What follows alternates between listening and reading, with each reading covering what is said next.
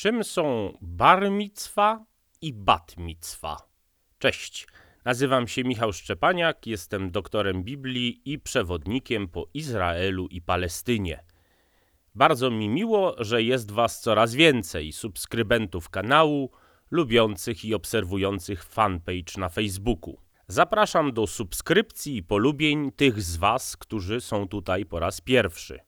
Podcast Izrael Tysiąca i Jednej Podróży można też znaleźć na Spotify'u. Wiem też, że słuchają mnie ci, którzy zeszłej środy byli na spotkaniu podróżniczym w Południku Zero w Warszawie, gdzie opowiadałem o Jerozolimie, Tyglu, religii, kultur i problemów. Jeszcze raz serdecznie dziękuję za obecność. Było bardzo miło. Świadectwem najlepszym jest to, że zamiast godziny spotkanie trwało 2,5. Fajnie, że byliście i ogromnie, ogromnie jestem wdzięczny. Wielkie dzięki dla organizatorów, bardzo dziękuję za miłe przyjęcie i wszelką pomoc ze strony waszego klubu. Dzisiaj chciałbym wam opowiedzieć o tym, czym są bar mitzwa i bat mitzwa. Skąd się wzięły te ceremonie i co oznaczają dla Żydów.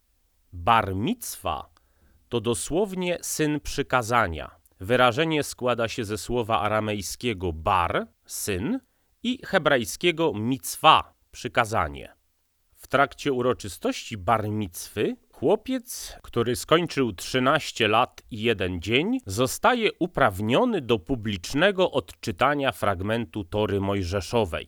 Tekst nie jest specjalnie wybrany, ale zgodny z porządkiem czytań na dany tydzień lub szabat. Poza czytaniem z pięcioksięgu, po hebrajsku maftir, chłopiec recytuje również fragment z ksiąg prorockich, po hebrajsku haftara. Z punktu widzenia religijnego, przez obrzęd barmicwy chłopak staje się w pełni odpowiedzialny za swoje czyny i bierze na siebie konsekwencje swoich grzechów.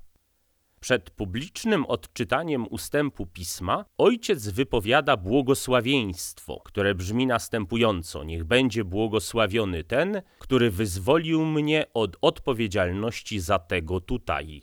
W trakcie tego świątecznego rytuału, który odbywa się w poniedziałek, czwartek lub w szabat, rabi wygłasza kazanie, pouczając młodziana o nowych obowiązkach i przywilejach Czasem odmawia tak zwane błogosławieństwo kapłańskie, czyli trzy wersety z Księgi Liczb.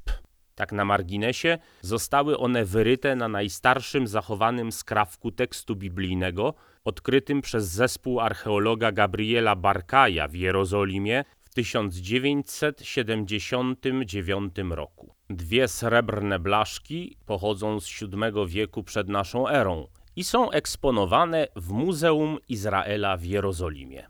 Ale dlaczego chłopcy muszą mieć ukończone akurat 13 lat?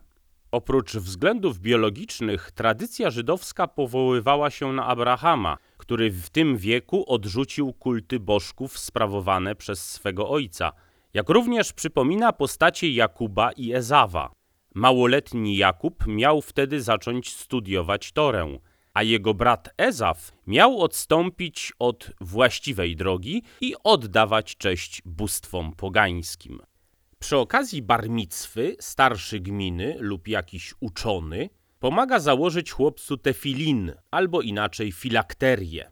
Są to takie czarne pudełeczka z rzemieniami, które wierzący Żyd obowiązkowo zakłada do modlitwy, z wyjątkiem szabatu i świąt. W środku skórzanych lub metalowych pudełek znajdują się teksty Tory, po dwa teksty z Ksiąg Wyjścia i Powtórzonego Prawa. Jedno z tefilin przymocowuje się przy pomocy rzemieni do ręki, natomiast drugie przywiązuje się do czoła. Wewnątrz tefilin na rękę umieszczone są cztery fragmenty pięcioksięgu zapisane na jednym zwitku w czterech kolumnach, zaś na głowie te same cztery urywki wypisane są na czterech zwitkach. Od 1967 roku, czyli zajęcia wschodniej Jerozolimy i uzyskania dostępu do ściany płaczu, uroczystość barmicwy bardzo często jest obchodzona właśnie przy niej. Całe rodziny wraz z zaproszonymi gośćmi specjalnie udają się do Jerozolimy na barmicwę. Na zdjęciu macie właśnie takiego delikwenta, który od bramy gnojnej idzie w stronę ściany płaczu. Dla dodania splendoru wynajmuje się baldachim i muzyków. Jakbyście byli kiedyś przy ścianie płaczu i natraficie akurat na barmicwę, będziecie mogli też usłyszeć i zobaczyć dwie najbardziej rzucające się w oczy i uszy osobliwości dziejące się w sektorze kobiet. Nie mogą one wejść do męskiej części, dlatego stoją na stołkach ustawionych przy przepierzeniu oddzielającym oba sektory i rzucając cukierkami wydobywają z siebie takie oto dźwięki. Od dnia barmicwy chłopak jest zaliczany do minianu, czyli społeczności dziesięciu dorosłych mężczyzn stanowiących kworum niezbędne do rozpoczęcia wspólnych modlitw. Wraz z obrzędem barmicwy chłopak w aspekcie nauczania religijnego przechodzi ze szkoły podstawowej do średniej. Gdyby przyrównać barmicwę z czymś lepiej nam znanym, to powiedziałbym, że to trochę skrzyżowanie pierwszej komunii z bierzmowaniem. Po samym obrzędzie barmicwy wszyscy zainteresowani udają się na bankiet, który według pewnych autorytetów żydowskich powinien przypominać wesele. Na uczcie odmawia się kidusz, czyli błogosławieństwo nad winem, natomiast kiedyś na ziemiach polskich kidusz wypowiadano nad wódką zwaną szabasówką. Termin barmicwa choć pojawia się w Talmudzie, a nawet w jeszcze wcześniejszych naukach mędrców i chociaż w Jerozolimie przed zburzeniem świątyni miał istnieć zwyczaj błogosławienia chłopców, którzy pomyślnie przeszli post w wieku 12 lub 13 lat, to jednak uroczystość barmicwy jako taka poświadczona jest najwcześniej dopiero w XV wieku.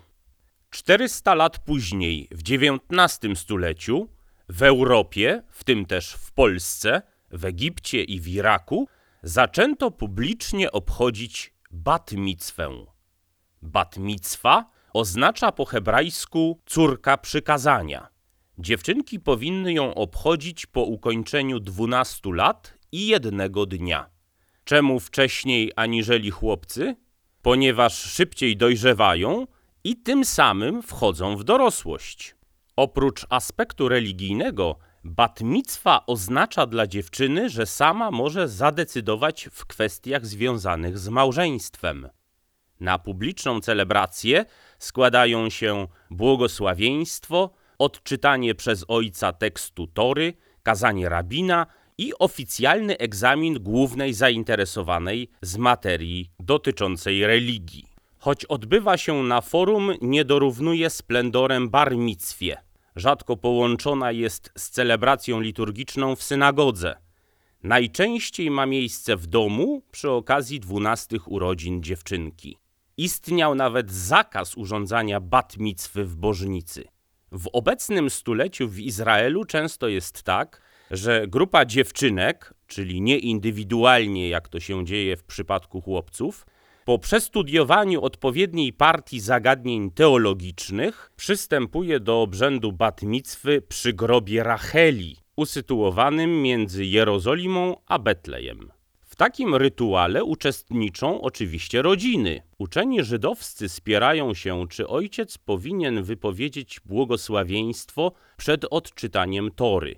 Jedni uważają, że nie, ponieważ ojciec nie może wymówić się od obowiązku pouczania córki w sprawach wiary. Z kolei inni twierdzą, że wolno mu wypowiedzieć błogosławieństwo, ale bez wymawiania imienia Boga. Po obrzędzie batmicwy, który odbył się w domu, względnie jakimś innym pomieszczeniu lub miejscu, ale nie synagodze, organizuje się przyjęcie. Punktem wspólnym bankietu z okazji bar micwy, jak też bat micwy, jest możliwość wygłoszenia przez bohatera, bohaterkę dnia przemówienia o sprawach wiary lub ogólnego podziękowania przede wszystkim oczywiście rodzicom. W synagogach judaizmu reformowanego, w którym także kobiety mogą pełnić funkcję rabinów, uroczysta lektura urywka pięcioksięgu i recytacja z ksiąg proroków jest dozwolona dla dziewczynek podczas batmicwy, która odbywa się w synagodze. Krótko zatem mówiąc, jedne odłamy judaizmu pozwalają na to, żeby dziewczynka czytała Torę w synagodze, inne z kolei uważają to za absolutnie niedopuszczalne i żeby czytała, jak również to, żeby to odbywało się, cała uroczystość odbywała się w synagodze. Kilka lat temu mój dobry znajomy, doświadczony przewodnik dr Stanisław Szuro, był świadkiem batmicwy dziewczynki z odłamu reformowanego przy ścianie płaczu. Żeby było jeszcze bardziej interesująco, obrzędowi przewodziła rabinka. Opowiadał mi potem, że dla zapobieżenia ostrej reakcji ze strony Żydów ortodoksyjnych, którzy najmocniej sprzeciwiają się tego rodzaju innowacji, trzeba było przeprowadzić obrzęd w asyście policji.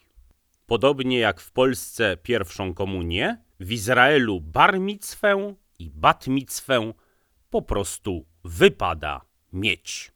Jest to bardziej obyczaj niż jakieś świadectwo wiary. Dziękując Wam za uwagę, zapraszam do wysłuchania kolejnego odcinka podcastu Izrael Tysiąca i Jednej Podróży. Jeżeli podcast Wam się podoba, kliknijcie subskrypcję i polubienie.